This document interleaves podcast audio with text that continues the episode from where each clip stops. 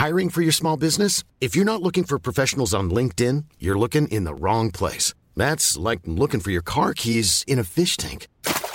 LinkedIn helps you hire professionals you can't find anywhere else, even those who aren't actively searching for a new job but might be open to the perfect role. In a given month, over 70% of LinkedIn users don't even visit other leading job sites. So start looking in the right place. With LinkedIn, you can hire professionals like a professional. Post your free job on linkedin.com slash people today.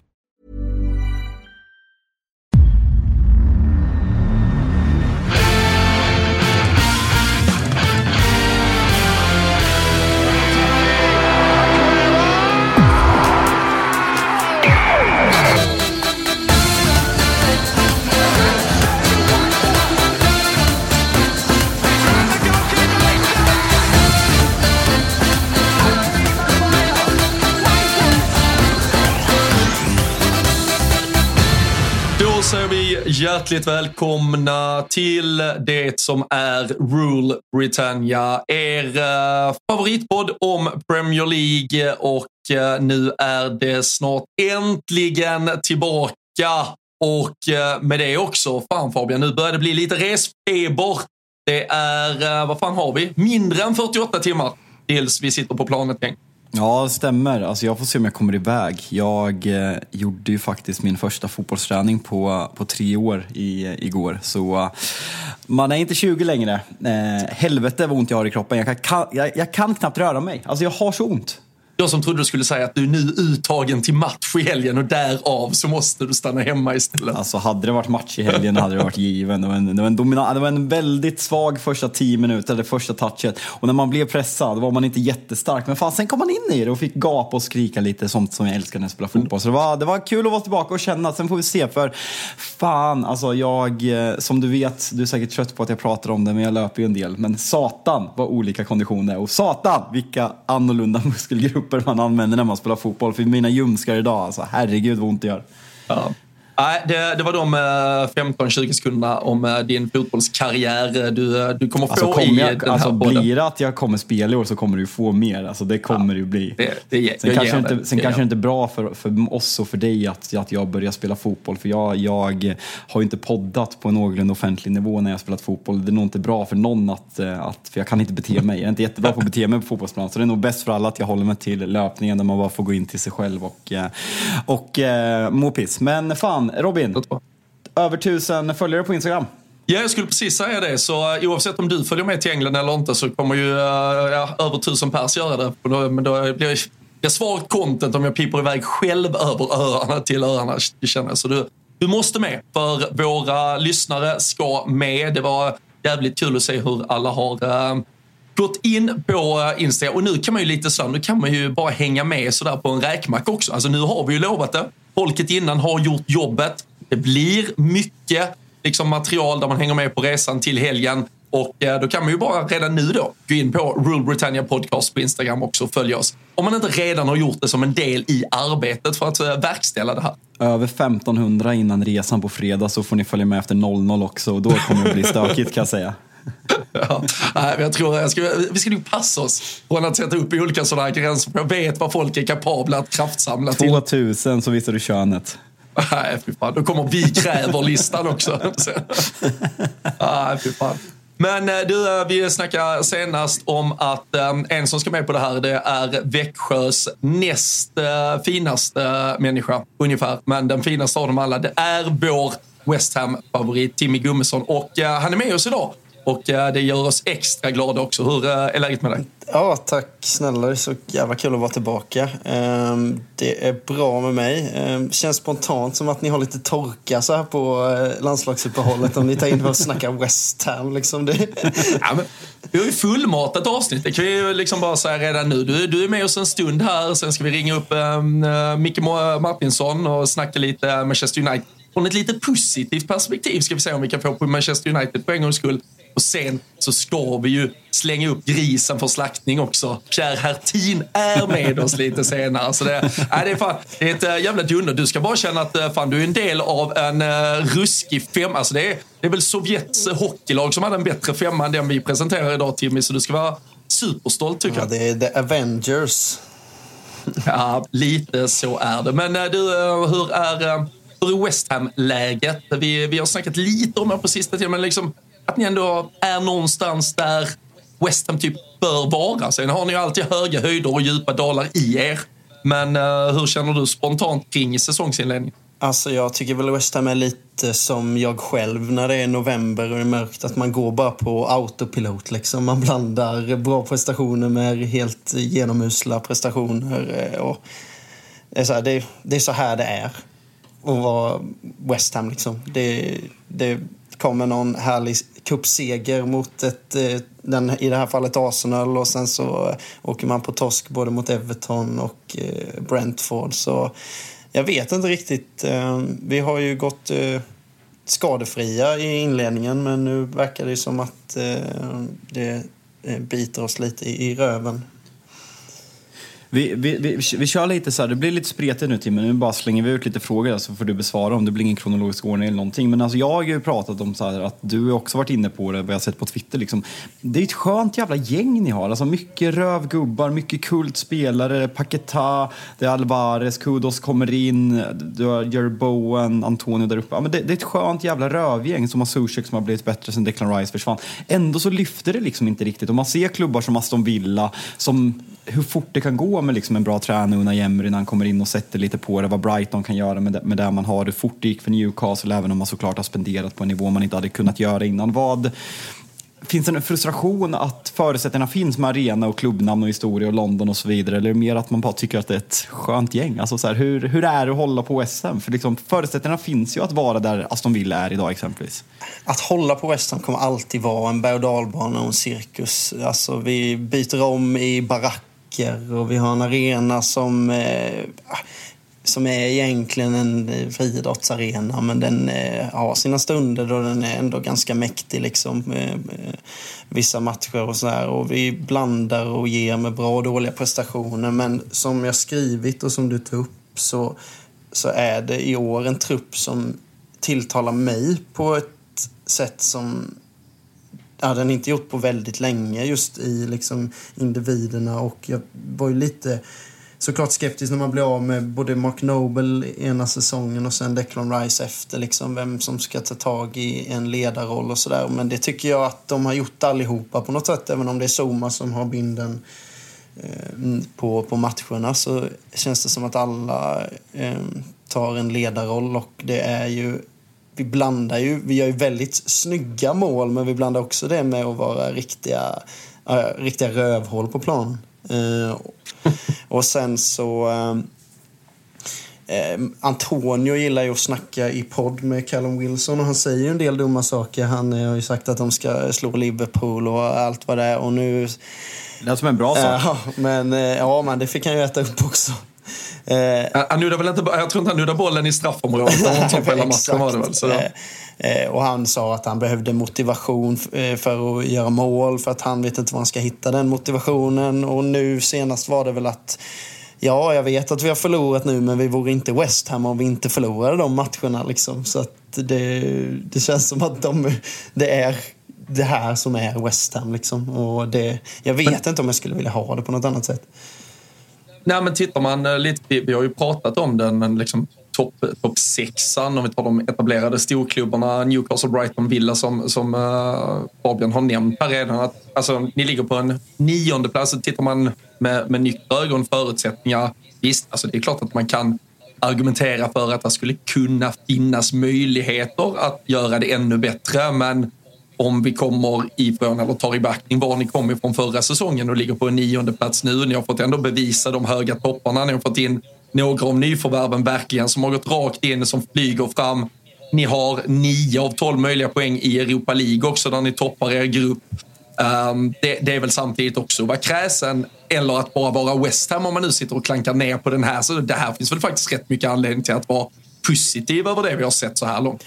Ja, alltså jag tycker, alltså någonstans måste man ju, eller så här, det är ju alltid, efter varje förlust så kommer det här, är Mois rätt man? Eh, men man måste också, jag vet det är många som skriver att klubben har inte varit så här stabil på väldigt länge just med, med våra insatser i Europa eh, och sen tillsammans med, visst vi var väl kanske inte nådde vi kanske inte de höjderna i ligan som vi önskade förra säsongen men då gick vi också och vann Conference League eh, och året innan det så toppade vi och gick långt i Europa League och nu toppar vi gruppen i Europa League igen. Eh, så någonstans har vi hittat en stabilitet som jag tycker inte vi har haft innan. Eh, och vi... Alltså, det är klart, alltså så här, det är svårt. För man, Eh, ena stunden blir man van vid att så här, du tar poäng varje match du vinner men sen kommer de här förlusterna och då blir det som att man, man lägger på tränaren och det, vi har för bra trupp för vad tränaren klarar av och sådär. Men någonstans så, det, alla lag har ju svackor och eh, det ser ju stundtals jävligt bra ut tycker jag och jag tycker det är roligt att titta på oss den här säsongen. Men om, om, vi, om vi tar eh, det som har varit en snackis nu, alltså det har gått mycket, mycket rykten om Jared Bowen och det var väl, om vi ska vara helt ärliga, en av anledningarna vi kände för att vilja ha och se blod när vi ringer in våra gäster. Och eh, det kom ut ett rykte om att det var liksom, knät var helt söndertrasat, att det var liksom den här säsongen plus halva nästa nästan Jared Bowen skulle vara borta. Nu har det kommit lite andra rapporter kring, kring er eh, mittfälts ytterstjärna. Vad, vad är status egentligen av, av det man hör?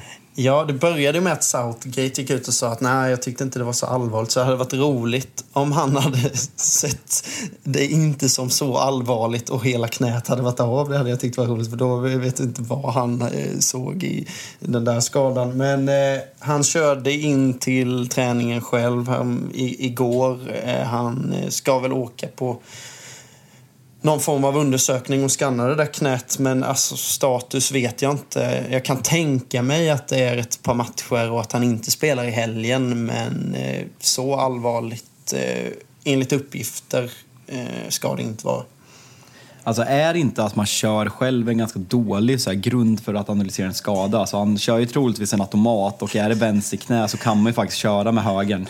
Ja, förmodligen, men jag har också haft kompisar som opererat korsbandet och har sagt hur jäkla farligt det är att köra bil och ansträngande och sånt där. Så jag, jag, vet inte. Och det är också massa uppgifter om att han har fluid i knät och, det är så här, och jag vet inte vad allt det där betyder för jag har aldrig Robin, haft... du är vår doktor. Ja. Vad har vi på fluid i knät?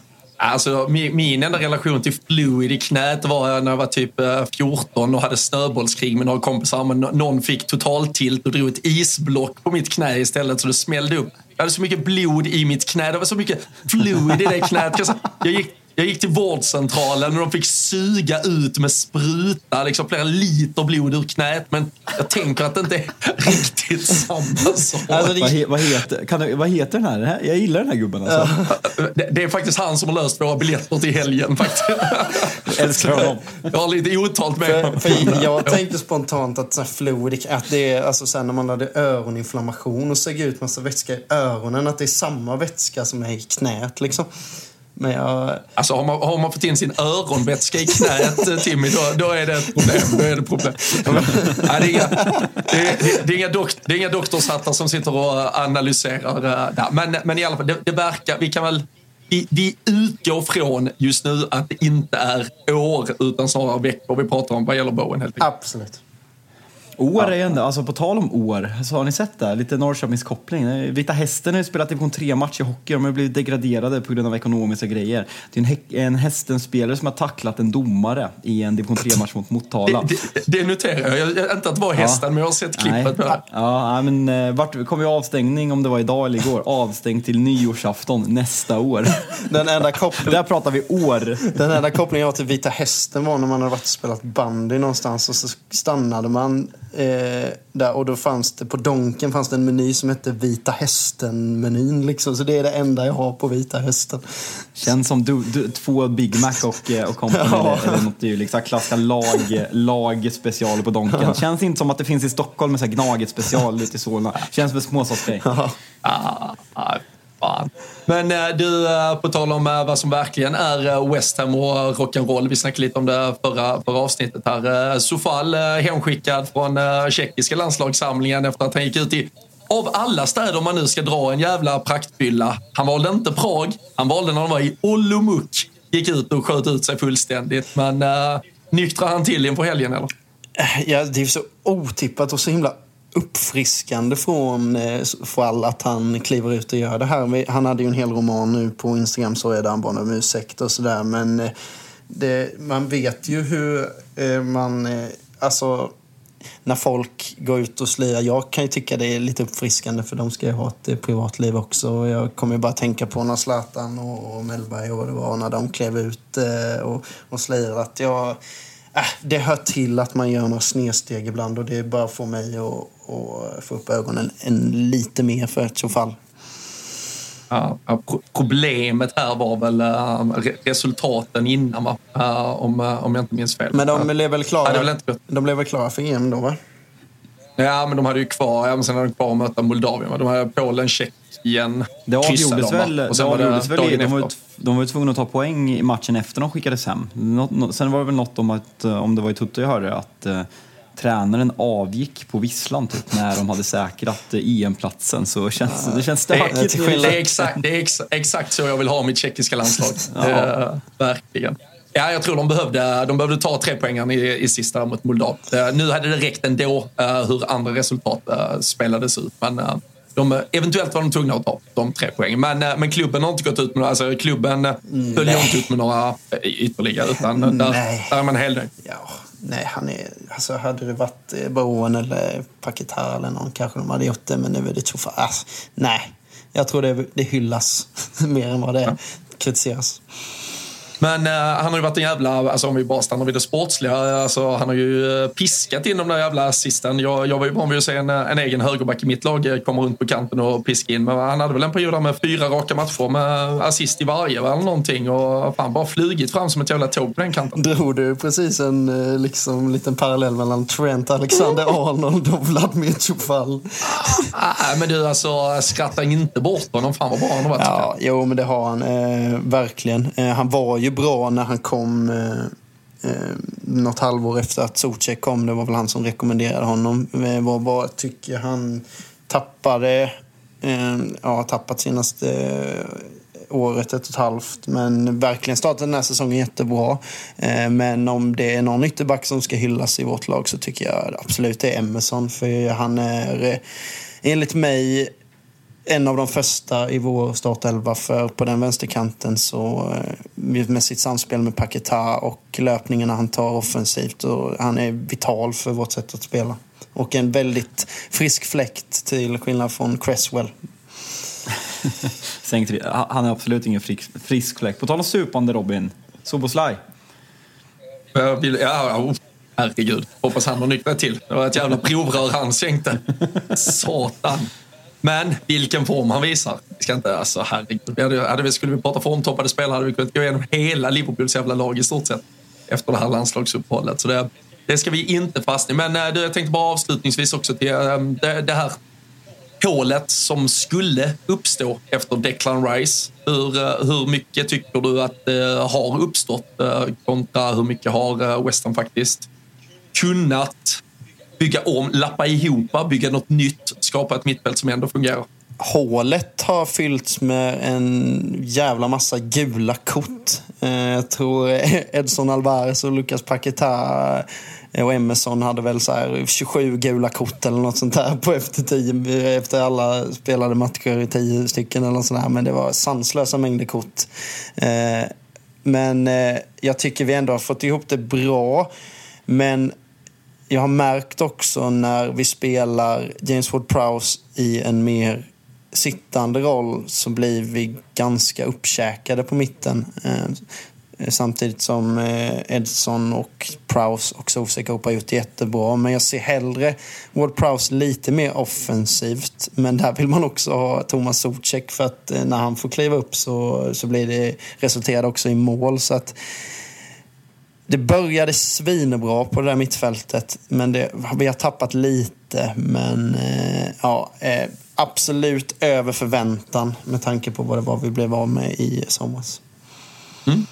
Burnley eh, väntar på lördag här eh, när vi startar upp igen. Eh, jag kan ju flagga redan nu att jag har med den här matchen på min trippel som jag kommer sätta ihop eh, borta på atg.se slash tutto kan man gå till direkt. Då hittar man både min trippel och en del andra tripplar, Big Nine-system från både Bilbachor olänkligt, Tuttosvenskan och eh, men, allt man egentligen behöver inför en eh, fotbollshelg där eh, våra älskade fotbollsligor återvänder. Jag kommer kika lite på målspel, eh, Timmy, här. Burnley, West Ham. Eh, Burnley har ju släppt in 30 kassar och eh, även om då Bowen inte kommer till spel tycker jag ni har mycket offensiva hot samtidigt som jag inte litar på er helt defensivt. Eh, Känner du, kan jag liksom få ditt stöd i att gå på ett överspel i Burnley West Ham? Absolut. Eh, jag vill nästan garantera att det blir en målfest. Det är inte samma Burnley på samma eh, eh Turf Moor så att eh, det kan jag nog nästan garantera. Vi kommer göra mål på någon fast situation. Vi kommer också släppa in något baklängesmål med slarv inblandat. Så att eh, målfest vill jag nästan garantera. Ja, men det låter bra det. Ehm, hela trippen eh, den eh, hittar ni på atg.se tutto som sagt. Eh, kommer ut här i dagarna på våra sociala medier också. Och ska man lägga något spel på ATG ska man såklart vara 18 år fyllda och skulle man ha problem med spel då finns stödlinjen.se. Har vi något mer du, du kikar på? Jag blir ju nyfiken. Alltså, du har ändå fått gnugga nu i nästan två veckor. Kan, kan vi få någon liten teaser innan, innan det kommer upp på våra, våra sociala medier? Ja, jag kommer bara spela målspel. Eh, det kommer vara ett till överspel, ett underspel och alla matcher 16.00 på lördag. Jag ska hålla det rakt och snyggt. Och när vi kliver ut från Etihad och behöver sätta oss och landa lite, ska vi kunna jobba in lite pengar till eh, resekassan. Timmy, har du hört talas om min pubrunda eller? Alltså herregud. Alltså, matchen är slut 14.30 lokaltid och den är så geografiskt perfekt planerad. Alltså det är tio runder avslutar med middag och sen så fortsätter vi ut i Manchesters nattliv. Och vet du vad vädret visar i Manchester på lördag? Ge mig vädret. Nej men det är en stor jävla sol. Alltså som det alltid är i Manchester. Alltså det är en stor jävla sol. Alltså det kommer bli, det kan bli, det kan bli jag tänkte säga årets dag, men det räcker inte. Seklets dag. Ja, det är gåshud rakt igenom. Det är bara synd att man ska se två pisslag spela fotboll bara, men det, det blir nog bra ändå. Kanske lära dig någonting du kan ta med dig till division 3-fotbollen sen. Jag vet inte, vet inte vad- Fyran. De, Fyran, de, ja. de, de, de torskar kvalet till, till trean. Kanske, Aj, aj, kanske, aj, bra, aj. kanske bra för mig om vi ska vara helt ärliga. Ja, men det är det. Vi, eh, vi ska släppa iväg Timmy, vi ska göra plats här och eh, så eh, fortsätter uh, Rule Britannia. Hiring for your small business? If you're not looking for professionals on LinkedIn, you're looking in the wrong place. That's like looking for your car keys in a fish tank. LinkedIn helps you hire professionals you can't find anywhere else, even those who aren't actively searching for a new job but might be open to the perfect role. In a given month, over 70% of LinkedIn users don't even visit other leading job sites. So start looking in the right place. With LinkedIn, you can hire professionals like a professional. Post your free job on linkedin.com/people slash people today. Ja, då, eh, då gör vi ett uh, fan, riktigt höjdarbyte här. Skickar ut uh, Timmy till att uh, gå ner i omklädningsrummet, andas ut. Ja, ju- Junisen. Så nu, för nu börjar det här hetta till lite. Det krävs lite jävla rutin in på mittfältet och uh, då är vi jävligt glada att återigen plocka in i värmen Manchester Uniteds mest positiva supporter enligt Fabian Jalkebo. Micke Martinsson, hur är läget? ja, det är extra bra nu när man får beröm av Fabian Jalkemo. Då, då kan det inte vara dåligt. Är det, är, det berö, är det beröm att vara en positiv supporter? Jag vet inte. Fabian verkar ju ta eh, ver- verkligen ära i att vara en negativ supporter. Alltså det är hårfint mellan att vara positiv och vara naiv, så jag vet inte om det är en komplimang om man ska vara helt ärlig. Jag minns ju det att du nämnde det när du gästade våran podd, att jag var naiv. Det var väldigt nära att det blev en lång avstängning för dig där, men eh, nu har jag glömt det. Ja, Tack, Ja, det är tack. bra. Men, eh, men du, eh, vi, vi ska ju, jag och Fabian ska ju över på eh, ja, hela helgen här, men söndag Everton, Manchester United och Fabian har ju målat fram på väggen att Manchester United inte har någon jävla chans. Om vi bara börjar med att ta det på pulsen inför det som väntar. Vad, vad tror du om United och deras chanser att liksom kickstarta något positivt? Eller formstarka är ni, det har Fabian konstaterat. Nej, det ska inte vi vara bara, tydliga med. Robin, inte bara formstarka. Kan du börja om, kan du börja om det? Ni är formstarkast. Jag backar, jag backar, jag backar. Men, eh, vad, eh, ja, men vad, är din, vad är din bild av ett Manchester United som kliver in nu efter landslagsuppehåll? Alltså jag var ju jävligt eh, lugn innan Everton fick sina 10 minuspoäng. Nu är jag plötsligt orolig för nu är de ett uppretat odjur här. Så, men jag känner mig ändå, jag ska säga, hyfsat lugn ändå. För det är ju... Eh, det är rätt skönt att möta ett uppretat Everton, tror jag i alla fall. Och får vi bara tillbaka någon av våra 26 000 skadade så ska det nog inte vara något problem där, tänker jag. Jag, jag har hört rykten omväg att du, du, du skyller lite på skador och ser att det finns väldigt positiva tendenser som ni kan få liksom utdelning på när saker och ting faller på plats. Eh, någon kommentar på det? Alltså kommentaren på det är ju att eh, det finns ju en stor möjlighet att Liverpool förlorar mot Manchester City på lördag och så vinner United mot Everton. Så skiljer det bara tre poäng mellan fantastiska Liverpool och eh, urusla Manchester United. Så det, det tilltalas jag av ganska mycket. Så sen om, om det har något att göra med Uniteds leverans på söndag eller inte, men det kittlar ju lite. Visst är det kul? Alltså man låter ju som en så jävla loser när man säger sådär, men det, det, är ju ganska kul att säga det där. Hade den där millimeterfelaktiga offsiden på Garnacho mot Arsenal blivit mål så hade vi haft samma poäng som titelutmanande fantastiska underbara Arsenal. Det är kul, det är loser, jag vet, men det är ändå kul att eh, leka lite med tanken som du gör det mycket. Det, det omfamnar jag. Jag uppskattar att vi får den här lilla stunden för att Fabian ska vara lite positiv inför helgen också. Eh, jag märker att han om någon behöver Lyssnarna kan egentligen stänga av och så kan vi bara ha det liksom en liten stund för oss själva. Har du sett mig så här leende i podden någon gång Robin? Eller? Nej, jag önskar att det här var i videoformat just nu för det är en otroligt glad Fabian som eh, sitter här. Men eh, om, vi, om vi försöker vara lite seriösa i det, om vi faktiskt ska alltså, titta på vad Förutom att ja, bollar kan studsa till höger och vänster. Det kan bli resultat som gör att ni plötsligt ligger bara jättenära toppen. Men vad tycker du? Tycker du där finns faktiskt saker i spelet, i idén, i försöket till utförandet som ändå signalerar att ni är på någon kurs framåt som kan vara positiv? Nej, men alltså, det är ju svårt att leta ljusglimtar. Om, beror på vilket narrativ du har. Om du tänker dig att vi ska spela eh, Ajax-fotboll som vi tydligen inte ska göra. Då ser det inte jättebra ut. Men tittar du på, igen då, att vi ändå har en positiv trend trots att det har sett katastrofalt ut. Och det brukar man ju säga att fan, ta de här tre poängarna när det inte ser bra ut. Vad händer när spelet börjar lossna? Men du frågar mig om jag ska se någon positiv trend. Det är väl faktiskt när vi fick tillbaka så vi hade åtminstone två ytterbackar vi kunde ställa upp. Då eh, kände jag mig lite lugnare i uppspelsfas och sådär. Men, men eh, därifrån till att jag ser någon ljusning i att vi ska börja spela ut lagen, det gör jag inte. Så positiv men, är jag inte. Nej, men om vi pratar om det här mycket, för det här har ju varit liksom ett, en sak som jag och Robin har återvänt till ganska mycket i podden. Jag vet att ni också har gjort det i United-podden som jag såklart rekommenderar alla att, eh, att lyssna på. Tack. Men hur mycket kan man berömma Erik Ten Hags Manchester United för att man är dåliga och tar vinster. Vi vet ju, alltså, du och jag såg ju matchen mot, eh, mot Brentford när Scott McTominay kommer in och avgör tillsammans i Stockholm. Du har matchen mot Burnley borta, du har Sheffield United borta. Alltså, det är i stort sett varenda match, Wolverhampton, bara uddamålsvinster. Hur stort problem är det att det inte ser bra ut och hur starkt är det att vi fortfarande har en habil poängskörd trots att, som du säger, att olika studios och olika supportrar skriker att det är kris och att United är så jävla dåliga men likväl så ligger vi före Newcastle och vi är inte jättelångt efter de här fantastiskt bra lagen som vi lite halvironiskt nämner som ändå är sex poäng före.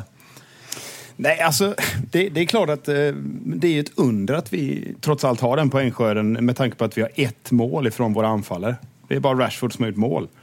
Det, är ju helt, det, är ju, det går ju inte. Jag menar, jämför med Liverpool. De bara öser in mål, anfallarna, hela tiden. Och ändå ser är inte längre ifrån. Så att, ur, ur, den aspekten så måste det ju lossna förr eller senare. Det kan inte vara så att vi går igenom hela säsongen att, eh, att det är Scott McTominay och, och Casemiro och Bruno som ska göra våra våra mål som krävs. Det, sannolikhetsmässigt så kommer det ju att studsa och se bättre ut naturligtvis. Men Nej, men det är ju, det är ju supermycket att vi inte får ta samma mittfält, får ta samma backlinje. Får man in den kontinuiteten, då är jag helt övertygad om att det kommer se bättre ut. Om det kommer bli något nytt United? Nej. Men som förra säsongen? Ja. Har vi, något, eh, har vi någon eh, senaste uppdatering på Onana angående spel till helgen eh, eller inte? Status här efter landslagsuttåget? Han, han kommer till spel va? Verkar det som. Det är så. Ja. Jag, jag har faktiskt inte hört något så det är väl att avvakta presskonferensen. Sen såg jag en artikel nu precis innan vi tryckte på räck gällande hans landslagskarriär där han har nej, men indirekt sagt att liksom, han är out när han skriver på för United. Sen vart ju han, för han började bråka med Samuel Eto'o inför eller under mästerskapet som är... Han, som la- är han lämnade ju VM senast. Ja men exakt och sen så var det liksom när han skrev på för United så sa han liksom för United vill väl inte, alltså de, de drar sig väl lite för att värva spelare som liksom de vet åker iväg, framförallt en målvakt som är i en liksom prekär situation om man ska åka iväg och missa en månad i januari för ett mästerskap. Men nu sa han så här liksom källor nära Onana har sagt att så här, alltså han i grund och botten vill han inte. Så det är lite oklart om han kommer åka på, på Afcon. Så det där, eh, det där får vi se helt enkelt. Men, men Micke, om vi fortsätter på det här med, med eh, synen och framtiden. Jag, vi pratar pratat mycket om Erik Ten Hag. Jag landade för några veckor sedan att jag, jag tycker, eh, jag, eh, jag vill inte säga det, men jag tror inte att United har någon framtid med honom. För jag liksom, jag, när jag bedömer en tränare så aspirerar jag liksom att jag vill se en tränare som jag tror kan slå de bästa. Och jag ser inte att det Erik Ten Hag någonsin med sättet han verkar vilja spela fotboll. Exempelvis det här citatet du var inne på att han inte vill spela som han var i Ajax. Det är liksom därför vi tog honom, att han ska utmana Jürgen Klopp och Pep Guardiola över tid. Och då liksom, ska vi ha honom som en lekfarbror som är liksom precis under och kan ta oss till att komma trea, fyra, då tycker jag kanske att man ska överväga att gå vidare. Vad, vad ser du i Erik Ten Hag som, som gör att han förtjänar att vara kvar och liksom utveckla det här med Manchester United långsiktigt? Nej, jag tycker du är för hård här. Det här håller jag inte med dig. Eh, det du målar upp är ju, eh, vi ska snabbt upp till toppen. Det, eh, jag har nog gått in med lite mer tålamod. Även om jag ska säga att jag hade högre förväntningar inför säsongen naturligtvis. Men, nej, men jag tror fortfarande på Ten Hag. Och det kanske är en envis dåres eh, hörna jag kommer ifrån där. Men, men eh, jag, jag ser ju liksom att den här tränaren kommer behöva få tid, eh, kanske ytterligare en säsong. In, innan vi kan se någonting som eh, vi vill se. Jag ser in, ingen anledning varför vi ska skicka honom nu och vem vi ska ta in istället. Vi, vi diskuterade det i våran podd. Alla skriker efter De Serbi. Vad är det som säger att De Serbi automatiskt gör det fantastiskt i en storklubb? Jag är inte jättesäker på det, även om jag tilltalas av hans fotboll precis som alla andra. Eh, så är det ju, men eh, nej, jag, jag är envis där. Jag vill, jag vill se Ten Hag få en liten stund till på sig och jag kommer stå bakom honom egentligen oavsett hur det går den här säsongen. Och jag, jag kan väl köpa helt och hållet att man ska ge alltså, sin tränare tid eh, och sen är väl alltid då diskussionen och eh, det som eh, man som supporter ibland inte kan enas kring hur mycket tid man ska ge och vad är mycket tid i, i dagens fotboll som, där allting snurrar så jävla mycket snabbare. Men det var därför kanske jag var ute efter det innan, det här lite glimtar, vad är det man ser? Jag kan också utifrån bara känna att är det några spelare som var där innan han kom in som har blivit bättre sen Ten Hag kom in? Är det spelare han har liksom fått att flyga? Är det någon han... Vi har snarare mest pratat om situationer där han har bråkat med spelare till höger och vänster. Och sen kan man ju se en Rashford som flyger en stund. Men det känns ju inte som att någon spelare under Ten Hag har liksom klivit fram och upp flera nivåer. Luke Shaw var uppe och snuddade vid världsklassnivå innan Ten Hag kom. Sen har han ju fortsatt kunna komma upp där. Men det är ju ingen som riktigt har tagit de där steg. Det hade väl behövts, tänker jag om jag bara tittar utifrån, att några fler spelare hade fått de där stora utvecklingskliven under den här. Ja, alltså det, det är klart att eh, det är väl Van Bissaka möjligen då som jag tycker utvecklas lite. Dalot är också lite tagit några kliv fram, men det, jag håller med dig, det är absolut inga monsterkliv. Att Lisandro Martinez däremot går in och, tycker jag, mångt och mycket dominerar Premier League. Det är, och huruvida det är hans egna prestation eller om det är Ten Hag, eh, det låter jag kanske vara oskrivet, men de känner ju varandra mycket väl, mycket väl vad som, Men motsatsen där är ju Anthony. Det är ju fullständig katastrof. det är ju ett skämt. Liksom. Och, och där har han målat in sitt hörn. Där, där, det är ju där som är, kan, sånt kan ju bli en tränares fall. Om man envist liksom håller fast vid, vid en sån spelare. Jag fick ju själv se en eh, Pelestri komma flygande på högerkanten och servera Darwin Nunes för eh, Uruguay i natt. Eh, Inte läge att han får lite chanser snart, eller? Så det hatar han du inte att bevaka Nunez på nätterna. Ja, man är så, Nej, man är så trött, då- man då är så kan- trött då- på... Man är så Säg trött till, när Robin, när Robin har landslagsuppehåll och bara Salah gjorde fem mål mot något land man inte ens hört talas om och Darwin Nunes träffar mål och byter med Suarez, jävla pisspelare hela bunten. Men Pelister, alltså han är så, han är bra i landslag men han är väldigt, alltså som United spelar sitt spel, han är väldigt rak och går in. När han spelar med en anfallare som Darwin Nunes är han jättebra för han är liksom en ja, men en ganska klassisk 4-4-2-ytter på många sätt och vis. Mm. Liksom går till höger och slår inlägg. United, och nu är Rasmus Höjlund med ganska väl bes- presence kom in, men han kan ju bara göra mål i Champions League Robin. Men ni har, ni, har ju bestämt, ni har ju bestämt att ni ska vara ett omställningslag som Ja. bara skickar in den på en stor gubbe i boxen. Det är väl, men Ten Hag vill ju, han vill ju också ha att eh, yttrarna spelar med fel fot, eh, eller med rätt fot inåt, så att de ska gå inåt och vandra liksom med överlappande ytterbackar. Och det där som, frågan du ställde till Micke, det, det där var ju någonting som man verkligen kände att Erik Ten Hag var rätt. Att det var liksom den bästa tränaren vi har haft, eh, Poser Alex, förra säsongen. För Rashford varit bättre. Jag tycker Luke Shaw, även om han har varit på en bra plats någon gång tidigare, den säsongen han gör överlag är kanske hans bästa i United. Jag tycker att både Dalot och Fambisaka, som, som Micke var inne på, eh, förbättrar han. Eh, och sen så har du även alltså Scott McTominay gör en habil säsong. Nu har han ju liksom Ronaldo. Eh, ska man väl berömma eh, Ten Hag någonting för. Så jag, jag tycker att den där, den där frågeställningen som du ställer på, eh, tyckte jag att han gjorde väldigt bra förra säsongen. Men sen i år så ser man inte en skymt av något av det här. Marcus Rashford är den Marcus Rashford som jag till viss del hade gett upp på eh, inför förra säsongen. Som man är så fruktansvärt trött på. Men man vill omfamna för att han betyder så mycket med liksom local lads, vad han har gjort för England och så vidare. och så vidare. Det är det som gör det så jobbigt när det ser ut som det gör nu. Men jag tänker, alltså, det har ju cirkulerat jämförelser nu med Klopps första 50 matcher och Ten Hags första 50 och då ser det ju bra ut. Men, då vän av ordning, typ du Robin, kommer in och säger att ah, men eh, Jürgen fick ju inte den plånboken och han hade mycket dödkött. Vad, vad fan hette folket ni hade som, på kanterna? Liksom. Mm. Ja, men Ja, alltså, du, du, där kollar man de där första elvorna så är det ju... eh, Håkan det, Chesky eller? nej, fan, det, då är vi, vi är ändå fem, sex år förbi det mörkret. Det, det, är, det är ett annat mörker, ett djupare och mycket eh, ja, svartare hål i ens Liverpool-liv. Men alltså det, de där jämförelserna haltar ju alltid så in i helvete. Alltså, med, med all respekt, det är också, fan, där får ni ändå steppa upp och vara det där i stora stygga United ni alltid har varit. Alltså, ni, ni kom ändå från en så här, ni var ju nerspelade av dåliga tränare, men ni kom ju fan ändå från en plats där det var miljardvärvningar på i stort sett varenda position. Så det är klart som fan att en tränare ska gå in och krävas leverera snabbare resultat. Där än i ett Liverpool 2015 där man inte hade investerat pengar ja, på hur många år som helst i stort. Mm. Nej, men det, det är ju det också, men sen blir ju jämförelsen otacksam så tillvida då att Liv, eh, eh Klopp fick det att flyga, Pep är fantastisk. Och det är klart att eh, United-supportrar, vi, vi vill ju inget annat. Vi ska vara på den nivån. Vi, vi ska ställa de kraven. Men det blir ju liksom, det ska snabbt upp. Och det är väl det jag, jag och Fabbe skiljer oss lite grann åt. Du vill, du vill snabbare upp och det är möjligt att jag har fel, men jag, jag tänker att det här kommer ta lite tid. Sen om, om det blir succé eller inte med Ten Hag, det tänker inte jag sitta här och lova, för det får man alltid checka upp. Nej, men alltså, det är det som är så svårt också. Det är det som, jag vill ju vara långsiktig. Alltså, som supporter vill man vara långsiktig. Och det, det är väl något känt citat som Klopp drar i början. Jag såg när, nu när det var eh, nå- något årsjubileum sen han kom till Liverpool. Robin, du kan det här bättre än vad jag kan. När han säger liksom, jag ska göra om er from doubters to believers. Eller något i den stilen, vad han säger? Exakt. Och det är det som, jag är ju en tvivlare av Guds nåd och jag drömmer ju om att liksom känna vad ni har känt de här åren. Vad Arsenal-supporterna känner under eh, Mikael Arteta just nu. City kommer jag inte ens räkna med för den jävla fuskklubb och liksom de har känt det hela tiden sedan pengarna kom in.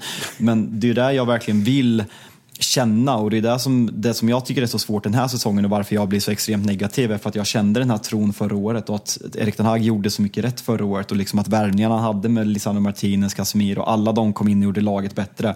Nu fick han sin målvakt som man har pratat om, han fick Mason Mount som man har pinpointat, han fick sin anfallsvärvning även om det var ett överpris kontra vad Höjlund har gjort hittills och att det ser så fruktansvärt mycket sämre ut. Jag kan inte förstå det och det är det som gör att jag blir så och låter så negativ när jag pratar om Manchester United. Jag, och säger, jag ska inte, jag ska inte, jag ska liksom inte var, varningsflagga mer här och det är klart att ni ska ha tro på så, men det blir ju också fel och- om jag då ändå får, får säga det, att jämföra med Klopp och Pep. Pep för det första, vi kan, säga, vi kan bara konstatera att han är kanske världens genom tiderna bästa tränare, men sen har han haft helt andra förutsättningar, det är en helt annan klubb och vi vet allt runt omkring. Jürgen Klopp, vad ni än må tycka, kanske också uppe som en av världens bästa tränare, ja, men snart även genom tiderna när de pratar. Det, uppenbarligen en otrolig jävla två, hantverkare. Är det två, två ligatitlar på en av världens bästa tränare genom tiderna eller vad, vad Du, du konstaterar, jag tror du sa för tre andetag sedan att eh, vi har gått upp mot den mest fuskande klubben genom alla tider och sådär. Så det, det kan vi reservera oss för. Men det jag vill komma till. Chelsea, de har bytt tränare, är det tio gånger de senaste sex, sju åren. De prickar inte rätt. Tottenham, fyra av fem har varit fatala misslyckanden. Arsenal behövde leta i tio år för att komma rätt. är, är Ange, Men ger du Ange att han är rätt nej, alltså? Han, nej, men han kanske är det. Han, är, han har ju uppenbarligen lyckats att göra dem till believers istället för doubters. Men det är så här, alltså, man måste nog inse att det är större sannolikhet att det inte kommer bli så jävla bra. Alltså det, det, så, så är det ju bara. Och det är väl det som är också bara pissat in. Och det är ju återigen för att vi går upp mot det här Manchester City som har tagit fotbollen till en annan nivå. Även med Erik Ten Hag så kan det här Manchester United ta 88 poäng eller någonting. Och då hade man någon gång kunnat vinna ligan. Men tyvärr måste man pricka så jävla och det, Jag känner igen mig i Fabian här. Och du vill ha en tränare som får ut ett Manchester United som vinner ja, nio av tio matcher minst och den tionde kanske är ett kryss. För det är det som krävs för att vinna ligatiteln. Och det är det man vill ha tillbaka Manchester United till. Det är det ni vill. Det var det jag ville med ett Liverpool. Men det är fan nästan helt jävla omöjligt. Så det, jag, jag tror också man har liksom skapat en skev jävla bild av vad man ska förvänta sig av tränaren. Ja, men det, det, är ju, alltså, det är ju verkligen så. Det, du, du lägger ut det på ett jäkligt bra sätt. För det, det är ju lite grann som Real Madrid och Barcelona. Nu, Girona ligger väl där uppe och hugger. Men förmodligen kommer de att ramla, ramla ner. Men ja, det är Daley Blind-effekten.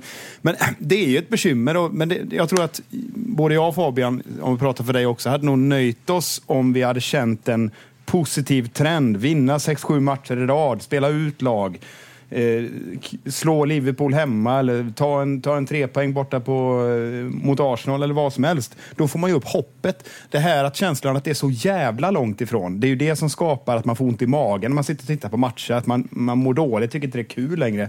Det, det är ju den vi måste förbi först och främst innan vi kan ta oss an City. Ja, nej, nej, men exakt. Och en del av mig känner som Robin gör och det är därför jag kanske i grund och botten inte tror på Erik Ten Hag. För att jag tror att han, jag vet att han fick mig att tro förra året. Jag, liksom när jag var på Barcelona-matchen i, i, om det är i mars eller februari. Så det är en av de bästa stämningarna jag upplevt på Old Trafford någonsin. Och liksom tron i stan och liksom folk såg fram emot att se United och tyckte om laget. Att liksom Lisandro Martinez mentalitet. Att så här, man, jag, jag, kommer ihåg United-lag när jag liksom satt på tvn och bara så här, hur, hur många spelare tycker jag om i det här laget? Mm, en, kanske två. Älskar jag någon? Nej. Alltså går man tillbaka till Fergusons dagar, alltså kunde älska varenda spelare. Alltså så här, ja men Champions League-finalen alltså 07, Edwin van Sar, älskar. West Brown, ja, älskar. Rio Vidic, älskar. Evra, älskar. Carrick Scholes på centrala mittfält, älskar. Rooney, älskar. älskar. Alltså TVs älskade. Låt mig vara väldigt tydlig. Och sen Ryan, Ryan, Ryan Giggs där också, som man vill också få säga älskade efter vad han har eh, hållit på med senaste åren. Eh, men det är den tron man vill ha tillbaka. Samtidigt är den där liksom att man vill ha det absolut bästa så att man inte nöjer sig med något annat. Det är så jävla svårt, men det, det är det som är supporterskap. Det är fint också. Men Robin, du ska ut om, om, och kör. om, om, fem, om 15 år sitter du här i podden och rabblar 23-24-truppen och att du älskar varenda en av dem. Vigge, älskar honom! Harry, älskar honom! Johnny, älskar honom! Jag kan, älskar. Micke, jag, jag, kan, jag kan ha kallat Victor Nilsson Lindelöf för den mest menlösa fotbollsspelaren inom tiderna i förra avsnittet. Alltså, jag, det håller jag med dig 100 procent. Förlåt Vigge, men fan vad usel du är. Fan, ingen, Robin, du har ingen, skrivit upp ingen lite, vi ska få lite mer framtidstro av den positiva Micke Martinsson. Det jävla, jävla smeknamn du har fått där i podden. Vad, du har skrivit upp här lite Robin, vad vill du att vi ska prata om? Ja, ja men eh, vad fan. Vad, ge, nu, om, om du ändå får, eh, oavsett om det är eh, självvalt eller inte, så har ju eh, Fabian gjort dig till den positiva Manchester United-supportern. vad, vad har United-supportrarna anledning, vad, vad kan de luta sig mot nu här? Några, några positiva ord framåt. Men det, det, det man ska plocka med sig är det att vi, vi har ju Höjlund ändå som jag tycker är en gedigen eh, centertank. Här finns någonting att bygga på. Och det upplever att de flesta håller med. Alltså, han, de, det, det blir ett jävla liv när han blir utbytt till exempel på Old Trafford.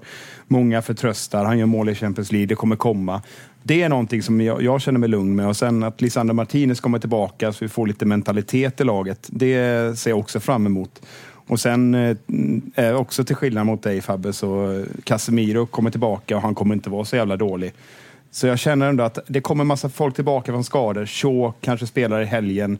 Jag menar, det blir ett annat lag när de här spelarna eh, finns på plan och Höjlund kommer börja göra mål. Eh, sen om Rashford kommer börja göra mål, det vet jag inte, men eh, den tänker jag inte säga att det känns positivt med Rashford. Absolut inte, men jag tycker det, det är mycket som pekar på att det kommer bli bättre. Så mm, det är min känsla. Hur mycket positiv tycker du att man kan vara inför det som kommer nu med Sir eh, Jim Ratcliffe som sägs vara officiellt vilken dag som helst nu i ungefär där han köper 25 procent och tar, tar kontroll över den sportsliga delen och eh, pratat som Richard Arnold redan försvunnit som VD, eh, John Murtog som sporting director kommer troligtvis försvinna, Paul Mitchell bland annat som har varit i Monaco och ryktas in där. Hur hoppfull tycker du att man kan vara här? För jag personligen, det här är något som jag har pekat på att vi har John Murtog och Darren Fletcher, Liverpool har haft Michael Edwards, Chelsea, det första Todd Bowley, man får garva åt Todd Bowley, men det första Todd Bowley gjorde var att ta de bästa från Tyskland, de bästa från Brighton, mm. de bästa från Southampton tog han väl någon också, jag har inte exakta namnen, men liksom tog best in the business. Samma sak med Newcastle, tog Brightons, liksom om det var scoutansvarig eller, eller, eller dylikt, medan vi tog liksom, rekrytera internt och har gjort det mm. totalt hela tiden och liksom ska köra på den här klassiska Ferguson-skubbar och Darren Fletcher ska vara där och Nicky Butt ska vara där. Hur, hur positivt kan man se på det här, även om det inte blev som, som man hade tänkt. På onsdag är det faktiskt exakt ett år sedan Glazers eh, la ut oss till försäljning, att det kommer sluta i en 25-procentig försäljning. Är det positivt eller eh, finns det negativitet där också? Allting du, du drar upp där är ju korrekt eh, så tillvida att det behövs förändringar. Det, det är jag helt överens med. Men jag är däremot inte lika sådär, åh nu, nu trycker vi på en strömbrytare så kommer det här att lösa sig. För jag är väldigt fundersam kring det här med 25 procent och vad det kommer innebära. Eh, även om eh, tar hand om sportslig ledning så innebär det inte att han äger och styr klubben helt och hållet. Så om vi börjar där, det beror på vad han sätter in för folk. Och sen eh, blir det intressant att utkristallisera sig vad får Ten Hag för makt, givet vem som kommer in. Vad innebär det? Eh, vad är det för spelare som kommer tas in? Eh, kommer de att köra över honom? Vad händer då? Eh, vill de ha kvar honom? Det är massa frågetecken som jag, som jag eh, eh, ser framför mig. Men, men givetvis så håller jag med dig om att ta bort det här jädra nepotismen. Vi vill inte ha du ska inte få eh, som Färjestad Hockey, du tar in varenda spelare, är vaktmästare och de, eh, alla får en roll i klubben. Liksom. Det, det, funkar inte, även om Färjestad är rätt framgångsrika. Men ni fattar vad jag menar, så det, det köper jag. Men den här övertron på att det kommer lösa sig här nu direkt i januari och nu blir det storstädning och nu kommer det lösa sig. Ah, vi får väl se. Han ska för, först och främst få det här på pränt och sen får, får vi se vad som händer sen. Mm. Jag läste att Radcliffe och gänget skulle ju, de skulle såklart konsultera Sir Alex nu i att de kliver in också. Då man bara känner, låt lå, lå, honom vara. Sen, sen är det ändå kul att, för Micke det är kul, för 20 minuter sedan när Timmy gästade så tror vi pratade hockey för första gången i Rule Britannias eh, historia och sen nu eh, bjuder du på ännu en hockeyreferens. Och det är det ska in. dubbla hockeyreferenser. Ja, men det är fint. Och det, och det sjuka är ju att vi snart ska ringa Pierre Hertin som var på hockey i helgen också. Borta i staterna. Helt ja, magiskt. det kan bli ja, komment- lite, kom- lilla hockey på kommentar på det här med att konsultera Sir Alex. Det är ju som att Ulf Kristersson ringer upp kungen lite grann. Det blir lite samma grej. Alltså, jag älskar Sir Alex, men nu får, du fan, nu får de lugna sig lite. Ja. Vi, uh, vi, vi låter det vara okommenterat tror jag. För, uh, Sir, Sir, Sir, Alex får frågan bara. Paul Mitchell, här har han CV. Nej. Nej. Här har du, eh, här har du Nemanja Vidic, här har han CV. Ja, ja. Det är ganska naturligt. Nej, det är så normalt. Nej, med, eh, med de eh, orden så, så tycker jag att vi fan, fick kungen lite speltid i Rule Britannia också. Det, det är han välkommen till. Men Micke, vi, vi ska skicka, skicka dig vidare i världen. Vi ska som sagt eh, ringa vidare för att eh, ta pulsen lite i Arsenal-läget också. Har du något medskick till Pierre? Ni satt ju och snackade efter eh, Arsenal United där för några månader sedan också. Att vi ska, ska vi hetsa honom med något?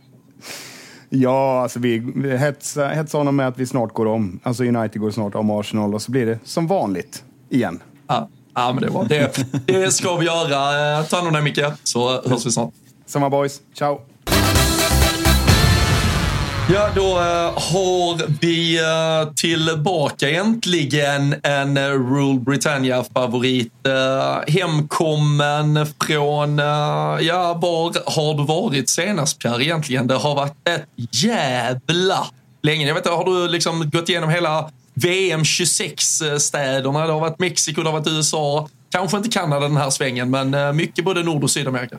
Ja, du misstänker att jag börjar jobba för Fifa och rekar Leka länder. Ja, alltså med, med, med tanke på hur mycket pengar du verkar röra dig med så känns det som Fifa-kuvert är det enda som skulle kunna hålla dig flytande just nu. Ja, men jag har fortfarande inte råd att åka till Island som dig, så något gör jag fel ändå. Nej, vi ska inte ha äh, är den, äh, Pierre den tävlingen här. och Chuck Blazer samma person eller? Det är, det är ju den här kända VM-delegaten ah, som erkände att han har tagit muter. Det är väl enda skillnaden att Pierre väger ungefär 200 kilo mindre, inte sitter i rullstol och inte har en papegoja på axeln. Men förutom det så känner jag att likheterna är slående. Ska jag ta det som en komplimang alltså, eller inte? Jag vet inte längre. Han är död. Ta, ta, ta, han är död. Fan, det ringde klockan. Dog 2017. Så rest in peace Chuck Blazer.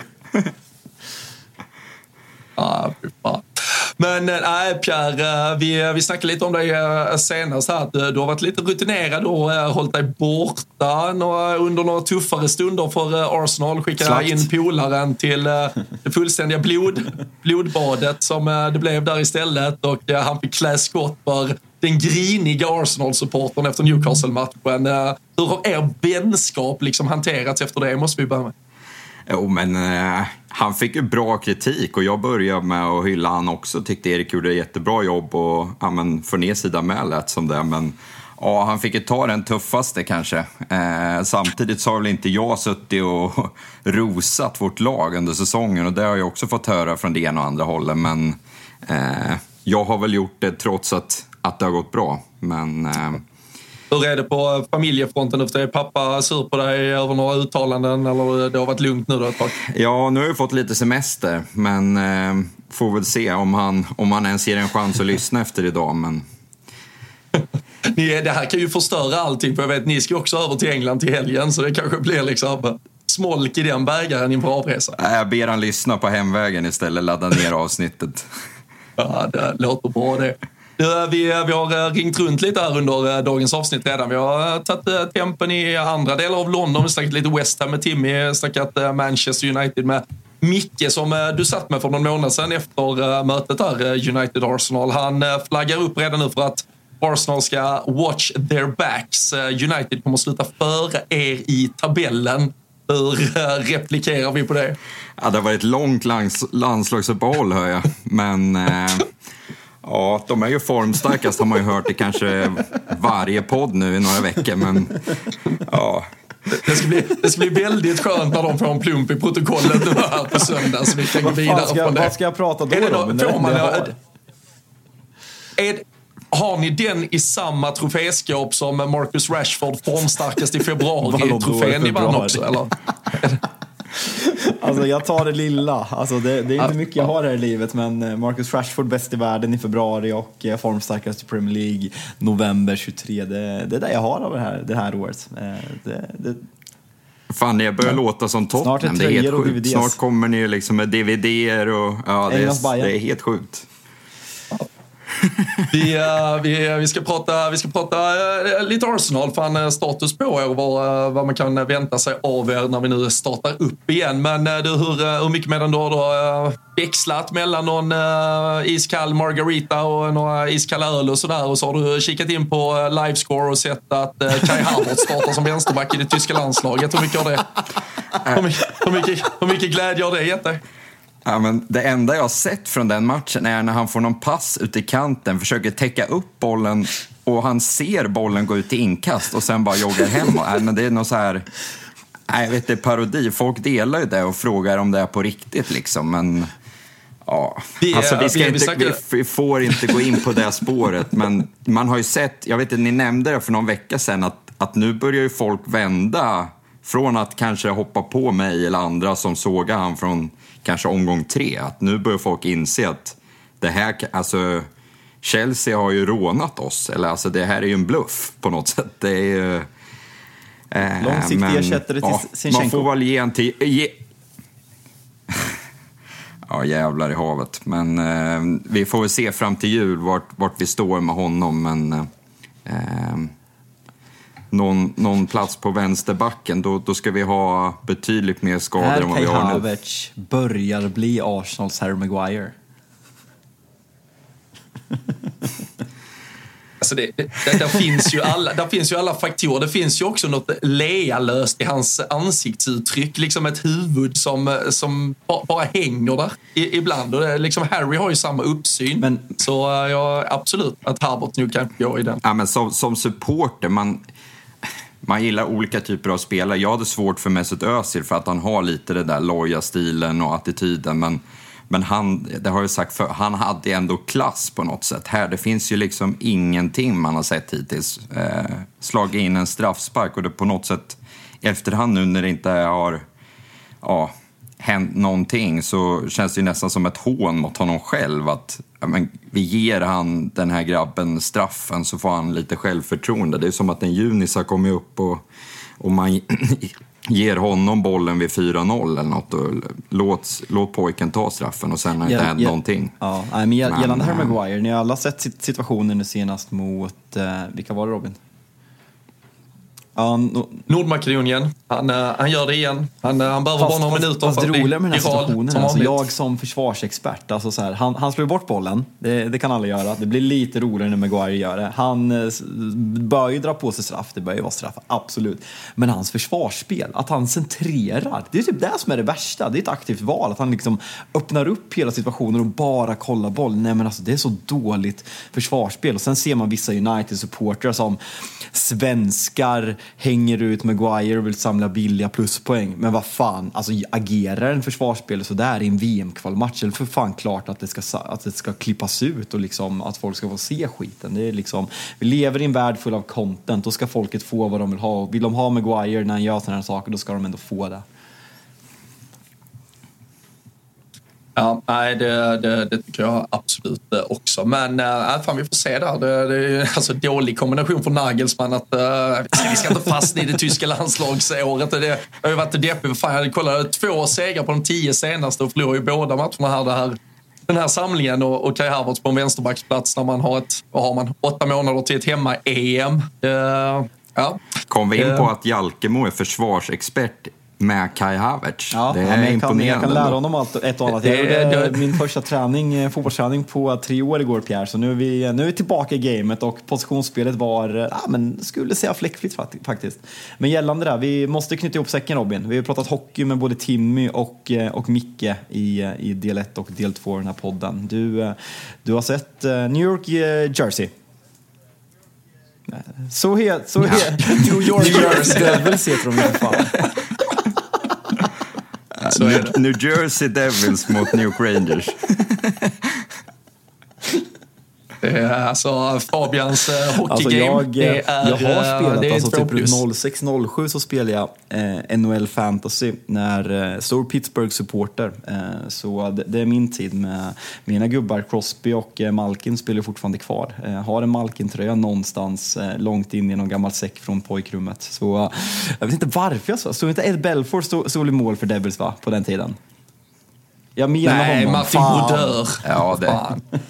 Ja, men sluta. Skjuta inte ur dig mer från höften nu. Alltså, det, är- det är så jävla...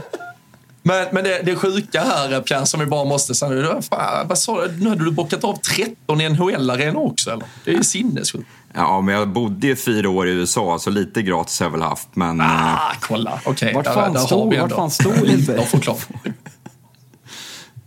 Han stod i Ja, okej, Blackhawks okej, ja. mest.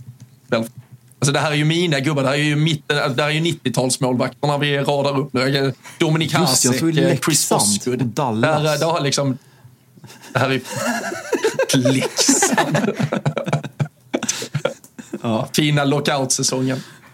Vi, nej, vi, vi ska inte fastna i mer hockey, det, även om det är fan. eh, vi, vi hade något avsnitt sen när vi skulle bara skjuta ut oss gamla liksom, eh, stofiltränare, skicka ut gamla NHL-spelare från tidigt 90-tal. hade inte varit helt fel heller. Det, det är en jävla fin tid. Det. kan bli en Men, mäktig eh, podd med, med Fabbes kunskaper här. Det svänger rejält.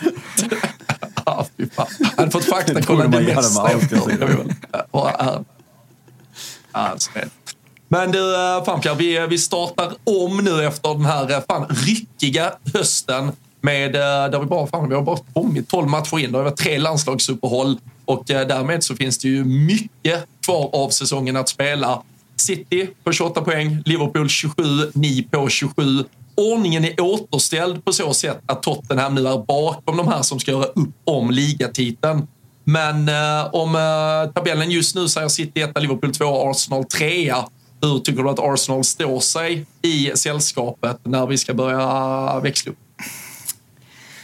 Ja, alltså med tanke på att jag sagt att vi Um, har spelat knackigt och det har ni varit inne på med och den statistiken ni drog fram för någon vecka sedan med att vi är det laget som skapar minst framåt men det var väl även bakåt uh, Det var väl minst, minst XG. XG. Uh, alltså det var inte att ni har skapat minst, det var väl också att i era matcher Totalt har minst XG liksom, om man räknar ihop både hur mycket ni släpper till och skapar.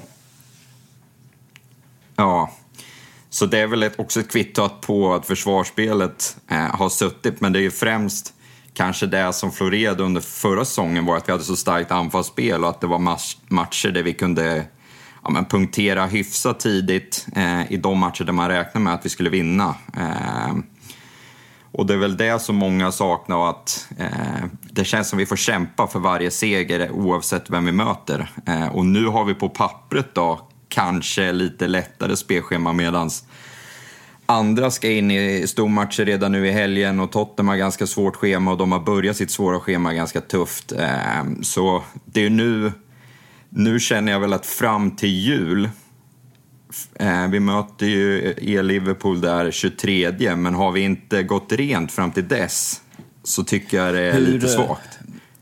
Och då, då, tyck, då tycker jag inte jag tar i, men med det schemat vi har så, så ska, vi, ska vi vara med Eh, så borde vi gå rent fram till dess. Vi ställde väl den frågeställningen för någon vecka sedan Robin, men hur mycket tror du att det är ett medvetet val att Arteta kanske lärde sig och kollade på, om, om man kollar våren så kändes det som att Pep förändrade sitt spel genom att liksom prioritera defensiven och spela med de här fyra mittbackarna eller de tre mittbackarna tillsammans med Kalåker medan att ni, lite beroende på att William Saliba skadades, men att liksom ökningen i hur mycket mål ni släppte in blev liksom markant framåt våren. Hur mycket tror du att ert, som vi pratar om, bristande spel, att det ser lite svajigt ut, beror på en medveten taktik att Arteta prioriterar defensiven mer och hur mycket tror du att det beror på att liksom, det flyter inte. Alltså Saka är inte lika bra, Martinelli är inte lika bra, Gabriel Jesus har varit skadad, Ödegård har inte varit lika bra som när de pikade förra hösten. Hur mycket, är det en balansgång eller var, vart landar du?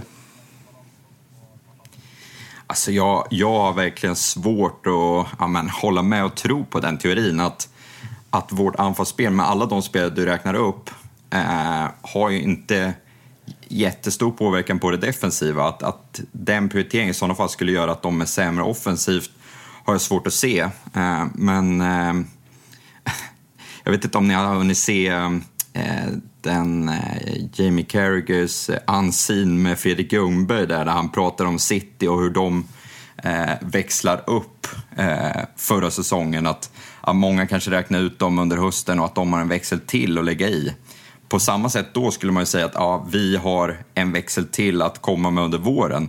Där har jag lite svårt att se att, att, att det att vi har kör på treans växel just nu, att anfallsspelet beror på det, att vi prioriterar något annat i vårt spel. Det, det har jag svårt att se. Alltså, vad det beror på, det har ju varit otroligt mycket matcher för många av spelarna med ja, men, dels hur intensiv våren var känslomässigt och ja, men, mycket matcher och sen landslagsuppehåll hela tiden nu och sen har vi börjat Champions League. Eh, så det, jag, jag, tror mer på det att det är många som kanske är helt sönderkörda. En sån som Saka har ju spelat omänskligt mycket och han använde ju förra säsongen i princip samma elva hela tiden. Eh, och det var ju på slutet som skador började komma fram och vissa spelare kanske tvingades tillbaka för tidigt till den här säsongen. och eh, det känns som vi har börjat rotera lite mer, men det är fortfarande samma spelare som ska spela hela tiden. Eh, men det är ju när vi har tvingats göra de här små roteringarna det också känns som det har blivit mer knackigt.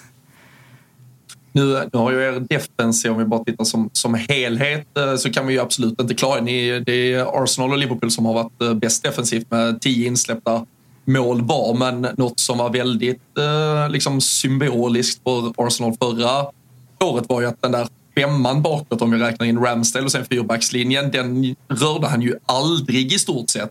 Nu utan att ha kollat exakt så känns det som att ni i stort sett har slängt ut en ny femma defensivt i varje match och även inkluderat Tomiyasu lite mer än vad kanske till och med ni Arsenal-supportrar trodde, vilket är lite en annan typ av försvar. Så det känns ju någonting som att han, han letar efter något i def. Alltså, nu har det ju funkat, men det känns inte lika självklart och därmed det är ju också något som ger en trygghet i hur du kan spela, alltså spela ut offensivt. Så det känns som att det laboreras lite där bakom Rice. Alltså, nu har ju Rice kommit rakt in och fyllt en jätteviktig funktion. Därav har det kanske sminkat över och det har ju löst mycket. Men vi har pratat om osäkerheten ibland kring Raja.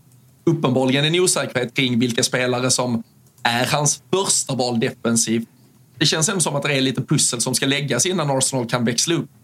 Ja, eh, alltså verkligen. Och om man bara börjar prata försvarsspel, det är ju just den lagdelen man vill göra minst roteringar under en säsong. Eh, och mycket av de roteringarna har gjort känns på ett sätt onödigt. Alltså du, om det är för skade risk eller så att man roterar redan nu känns väldigt onödigt. Men det känns att, att det är något taktiskt han vill få ut av det. Men att vi spelar, eh, det känns som matcher när vi kanske måste försvara mer en sån match mot City. Att, att han hellre vill ha Tomiasso för att han har börjat se Tomiasso som en starkare försvarsspelare än Sinchenko. Medan vi i matcher där vi totalt ska dominera, att han spelar Sinchenko för att han går in och, och bidrar i sin centrala roll på mitten i, i offensiven. Eh, men, men, det, är ju men, lite, det känns lite, är det inte lite peppinfluerat igen där då? Det här med de stora starka, fyll på med en extra liksom, fysisk back istället och så vidare. Jo, så är det. Och jag, jag gillar inte att han har börjat göra de här ändringarna. Var, varför skulle vi ändra på allt som var så bra förra säsongen? Det enda som i startelvan som saknades är ju Xhaka som vi istället har fått in Rice som en, ja, en uppgradering får man säga, även om Xhaka kanske spelar på en oerhörd nivå förra säsongen. Fy fan vad, ja, fy fan vad bra han är i Leverkusen just nu också ska säga. Alltså, helvete, han styr och ställer på det där Xabi Alonso-mittfältet som, eh, som han dikterar. Men, ja. ja. Jag tror ändå ni har uppgraderat med, ja, med Rice på så sikt åtminstone. Det är, ni ska ju ni ska kunna hålla egentligen alla ramar i övrigt intakt och så bara fylla på med honom. Ja, alltså det är det som gör mig lite irriterad. Vi har gjort så mycket förändringar i sätt att spela och kanske i formation i vissa matcher mot vad vi gjorde förra året när han verkligen försökte spela samma lag och samma formation på samma sätt varje match. Eh, var, varför?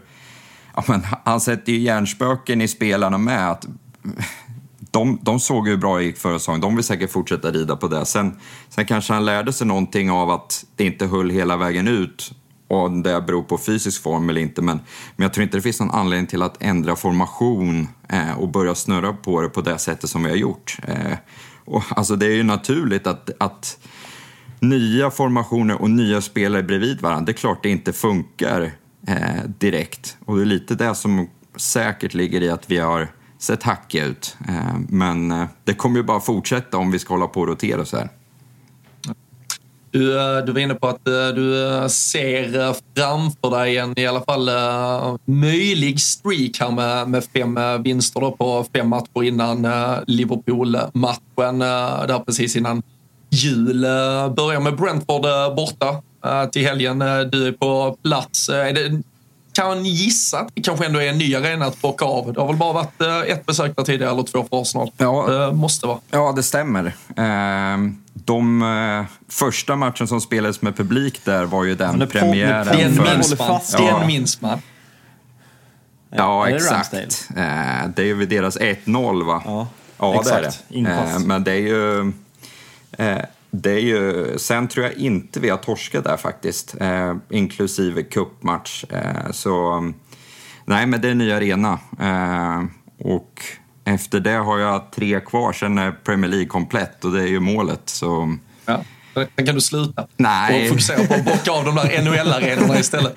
Nej, sen är målet hela Championship League 1 och League 2. Sen, sen kan jag dö som den legenden ni pratade om förut. Ja, det låter bra det.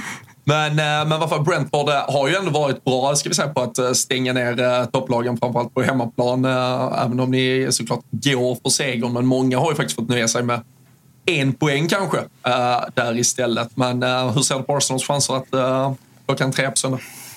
Det är alltid lite tricky sådär efter landslagsuppehåll och Ja, men vi har ju tre som spelade ganska många minuter för Brasilien eh, senast igår kväll. Eh, och sen ska de resa tillbaka och tidszon. Jag sitter själv i ett läge, så jag hade inte kunnat springa 90 minuter på lördag. Liksom. Så jag kan, kan bara tänka mig vad de eh, ska gå igenom. Sen kanske de flyger privatjet och har det väldigt bra. Det har jag ju inte en annan. Så.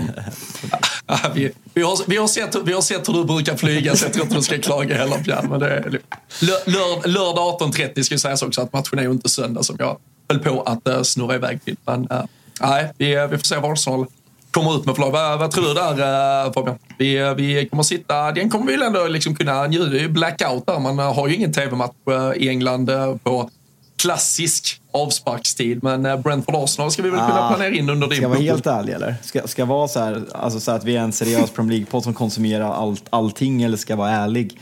Nej, vi, vi, kommer inte, vi kommer inte se den här Vi, matchen. vi kan väl...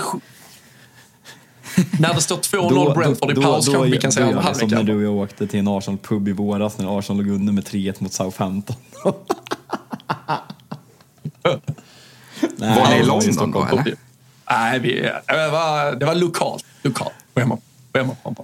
Men äh, nej, vi, vi får väl se där äh, vad fan äh, det blir av det. Men, äh, Är ni på Albert nej, Schloss då? Den är faktiskt med, eh, den är faktiskt med Apply, på som en av de avslutande. Tänker så här lite mellan, mell, eftermiddag innan utgång så kan det nog bli en liten, lite tyskt österrikiskt besök för att få lite fjällkänsla. Och julmarknaden är igång också så ruskig känsla. Ja, men den, den Albert Schloss, vi var där och tog en gravöl efter City borta förra säsongen och då var ju halva Burnleys lag där och eh, firade att de hade vunnit, vunnit Championship, men det var riktigt bra Ja, drag det, det, faktiskt. det är nice där, så den blir, den blir framåt. eh, Jag tror att den är nummer nio på, på min eh, extremt utstuderade pubrunda. Kan, vill, vill folk, folk brukar ju, tror jag, båda ni är vana med att folk skriver DM på Twitter och frågar om restips när de ska till London och Liverpool i ert fall. Det är bara kopiera den här pubrundan så, så har ni jävla helkväll i Manchester helt enkelt. tu- tu- tusen följare till på Ja, Instagram så lägger vi ut ja, hela pubrundan. eh, Får man den? Vi, vi har försökt få Pierre att ta flyget till Manchester på fredag och erbjudit att liksom bjuda på tågresan till London på lördag, men det ser, det ser tufft ut. Ja, apropå, nej, han måste- apropå hockey så är jag i Södertälje och ser hockey på fredag, så det blir Idiot. svårt. Åker av en jävla islada. Det är så jävla... Nej, fy fan. Fy fan Men eh, jag tänkte avslutningsvis, eh, vi behöver inte fastna i eh, Arsenal, men eh, vi kan ju eh, gemensamt kanske plocka ner eh, senaste dagarnas eh, stora nyhet eh, annars. Eh, det var ju eh, röstning här i eh, Premier League angående det som vi har pratat om tidigare i podden, eh, potentiella möjligheten att låna spelare mellan samägda klubbar så att säga. Det har ju intensifierats lite eller framförallt blivit i stort sett verklighet och eh, öppet för diskussion kring eh, Newcastle och eh, Saudi-ägandet och de klubbarna som finns där. Men det finns ju även andra klubbkonglomerat där det absolut kan bli aktuellt. Nu röstar man här Fabian och det krävs ju 14 klubbars majoritet för att förbjuda något eller förändra något. Bara 13 klubbar röstade, 17 eller 7 klubbar gick då emot att man skulle förbjuda detta och därmed så öppnar vi nu dörren för att man ska kunna låna spelare till höger och vänster. Vad, Nej, men att vad känner vi kring det? alltså, såklart genomvidrigt och att det, det är de här sju klubbarna som röstar emot det som, som, är, som har möjlighet att göra det här, som är liksom multiklubbägda eh, som, som läget är just nu och det blir ju liksom Ja, men man, man, eh, jag vet inte, alltså det blir bara liksom vidrigt att se en framtid. Alltså det är ju pratat om Ruben Neves till, till Newcastle som kanske är det mest troliga, även om, om det inte verkar bli av enligt flera säkra källor just nu. Men att det ens finns möjlighet att låna spelare mellan olika ägda klubbar liksom för att kringgå systemet. Vi vet alla vad, vad City har gjort för att kringgå systemet och som man utreds för nu och liksom att man öppnar och kan göra det lagligt att göra sådana här saker. Att Saudiarabien kan värva extremt dyra spelare till sin liga som ägs av eh, samma ägare som, som Newcastle och kan låna ut spelare där till liksom, och knappt betala någonting. Det är, ett, eh, det är en väg som fotbollen borde sätta stopp för. Jag hoppas verkligen att Uefa går in och stoppar där eh, på en högre instans än att, att Premier League kan göra. Vi kan, vi kan ju bara konstatera om någon har missat. Det är New, Newcastle Åh, såklart åh, röstar ju em- emot att man skulle blockera det. Eh, fan. Manchester Åh, City, fan. Chelsea, Everton, Wolverhampton, Nottingham Forest och Sheffield United. Och den gemensamma nämnaren, Newcastle har vi nämnt, Manchester City vet alla, Chelsea vet alla hur det ser ut runt där. Everton med de här triple seven på väg in, Wolverhampton med sin koppling, Jorge Mendes och, och vidare ut eh, i olika klubbled. Nottingham Forest, där har vi ju Olympiakos ägare involverad och Sheffield United som också faktiskt eh, delägs av, eh, eller via Saudiarabien. Så alltså, det sjuka här måste jag ju bara tycka är så här, borde man inte ha röstat om Alltså borde det inte varit förbjudet från början och så behövde de vara 14 klubbar som skulle tycka att man ska tillåta det. Det känns ju jättefel att det är tillåtet per automatik. Eh, borde det inte vara tvärtom Fast röstningen har, har, går till har här? det varit Eller olagligt tidigare? Var- Röstar de inte om att... Nej, det har det ju inte varit. Men, nej, det, det, det har ju inte varit det och det var det man skulle rösta nu om att göra det olagligt. Men det borde Såklart väl aldrig inte. ha varit tillåtet från början att kan äga, man skulle, nu- nu Anledningen bara köpa- till, anledningen till att rösten kom igång var väl att man såg ett problem i det. Och, och det är därför det är väldigt konstigt. Men, men den listan när man ser lag, alltså... Eh, det, det är sjukt hur det ska funka på det sättet. Eh, och det blir lite av en annan, annan sport. Eh, men det, jag tror det är svårt att se svårt att se hur det ska funka i längden och hur, men, det finns så många sätt att gå runt det då. Att, eh, kolla på hur Chelsea gjorde förra säsongen, att det kommer ju spåra ur då med, med trupperna hos eh, flera klubbar som har eh, Men det finns ju, det finns ju numera egentliga, alltså ska vi vara helt krassa, om någon nu, alltså jag förstår ju, då skulle du ju, du står ju verkligen och pissar på både supportrar, ligan, någon form av den sportsliga integriteten om du skulle välja att göra så här. Men är vi helt krassa så har du öppnat en dörr till att egentligen inte Newcastle kontrakterar en enda spelare utan du kontrakterar dem i Saudi skattefritt med alla möjligheter till att betala på alla sätt och vis utanför ett Uefa-regelverk, utanför ett Premier League-regelverk och sen lånar du spelarna till Newcastle Tio- och, årligen. och, och Newcastle finns- betalar vad 10 jag vet tror inte av det heller finns Liksom, kan vi med FM, liksom, alltså, det går ju liksom att ställa Ja. in hur många procent av lön och liksom vilken summa man ska betala. Det är bara nej, men noll kronor, kanske 5 procent av lönen. Alltså, om vi bara leker med tanken, det går att göra så. Det här röstar Premier League igenom. Det är parodiskt och visar vart fotbollen är på väg. Men här står vi, tre rivaler, tre röda klassiska klubbar med heden i behåll och eh, jobbar emot den moderna fotbollen. Slå er för bröstet grabbar och var stolta över era klubbar, det gör jag i alla fall. Det ska vi göra. Och till, eh, tillsammans så eh, fan, eh, packar vi våra väskor och tar sikte på England också. Du får, du får sköta om London i helgen, Pierre. Så tar vi hand om nordvästra England. Ja, vi håller kontakt. Men eh, jag ser Det- verkligen fram emot det. Eh, jag måste säga, alltså, vi snackade om att det varit hackigt under hösten och ja, flera landslagsuppehåll. Men det känns som det nu börjar lite på riktigt. Och, ja, men, Champions League-grupperna ska spikas och ja, det, det kommer börja bli på riktigt. Eh, och december, januari kommer nog ge oss mycket svar på de frågorna vi har kring toppen och vart eh, den här toppstriden kommer ta vägen. Men nej, jag tycker det, det ska bli ska bli riktigt kul. Och, ja, jag vet det, jag måste säga att under tidigare omgångar att man har haft lite förra säsongens debacle i, i bakhuvudet. Och precis som jag sa, det kanske ligger hos spelarna. Men, eh,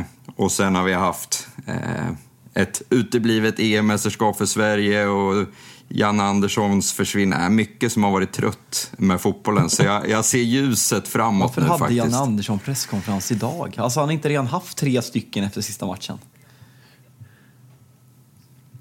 Jo, men alltså, nej. Alltså, jag pratar hellre Vita Hästens hockey än, än Jan Andersson just nu. Nu går, vi vänder blad för att stänga vår kungabok. Vi också Jag har haft öppet. svävat iväg för mycket i det här avsnittet. Ja, hockey Men, och allt eh, möjligt. Vi har tagit stora svängar. Men eh, Så- så det, är det är kul att vara tillbaka. Jag hade faktiskt press på mig efter alla... Ja, men Erik gjorde ett bra inhopp och Micke har gjort det bra, Alice och, och sen. Johan Ryn ska vi inte sticka under stolen med heller. Det är mäktiga människor man hade att komma tillbaka till och göra ett starkt, Jo- Johan starkt Ryn i intryck igen. Sydafrika på golfresa måste vi ringa och stämma av med snart hur, hur, hur läget fan är där. Och eh, fått även prata om New York, eh, Vissa- Jersey eller vad kallar jag dem? Nej men det är sjukaste jag sagt. Ja, vissa har det bra om han är där. Man, man känner tydligen mer som gäst i Rule Britannia än som uh, programledare i alla fall. Uh. Det är något som är väldigt uppenbart just nu. Men nej, äh, vi, vi stänger boken där. Eh, du, 3-0 till Liverpool på Etihad så blir det taxi rakt ner till London och så tar vi total utskjutning där istället. Nej, då betalar ju Pierre som får hänga med till Albertsloss. Ja, det, det, vi kan göra så också. Kostar, vi, vi löser det i alla fall. Det kommer bli hur fint. Det inte vara så jävla dyrt. 2000 spänn tror jag. Man kan jag ju flyga. Fick, ja, men jag fick något inställt jävla flyg någon gång i Manchester. Fick ta tåg eller ta en taxi ner till London och flyga där. Jag tror vi betalade 2000. Kan fan vara värt det. Ja. Det löser det. Löser. Det kan det vara värt när Darwin Nunes har dunkat in hattricket. Då fixar det. Men eh, som sagt, eh, vi piper till England. Eh, ni som eh, lyssnar kan hänga med genom att gå in på Rule Britannia Podcast eh, på Instagram. Följ oss där. Så eh, blir ni en eh, riktigt fin del av vår resa. Eh, hand om dig i London, Pierre. Vi eh, hörs snart igen och eh, till alla som lyssnar Sprid att Rule Britannia kommer ut med två underbara avsnitt i eh, veckan. Tipsa era vänner om att de ska följa podden i sin poddspelare, prenumerera på det och eh, såklart följa oss på sociala medier också. Men eh, nu får ni ha en eh, fortsatt skön avslutning på veckan. Så 290 pund kostar det. Ja. Vi hörs hörni.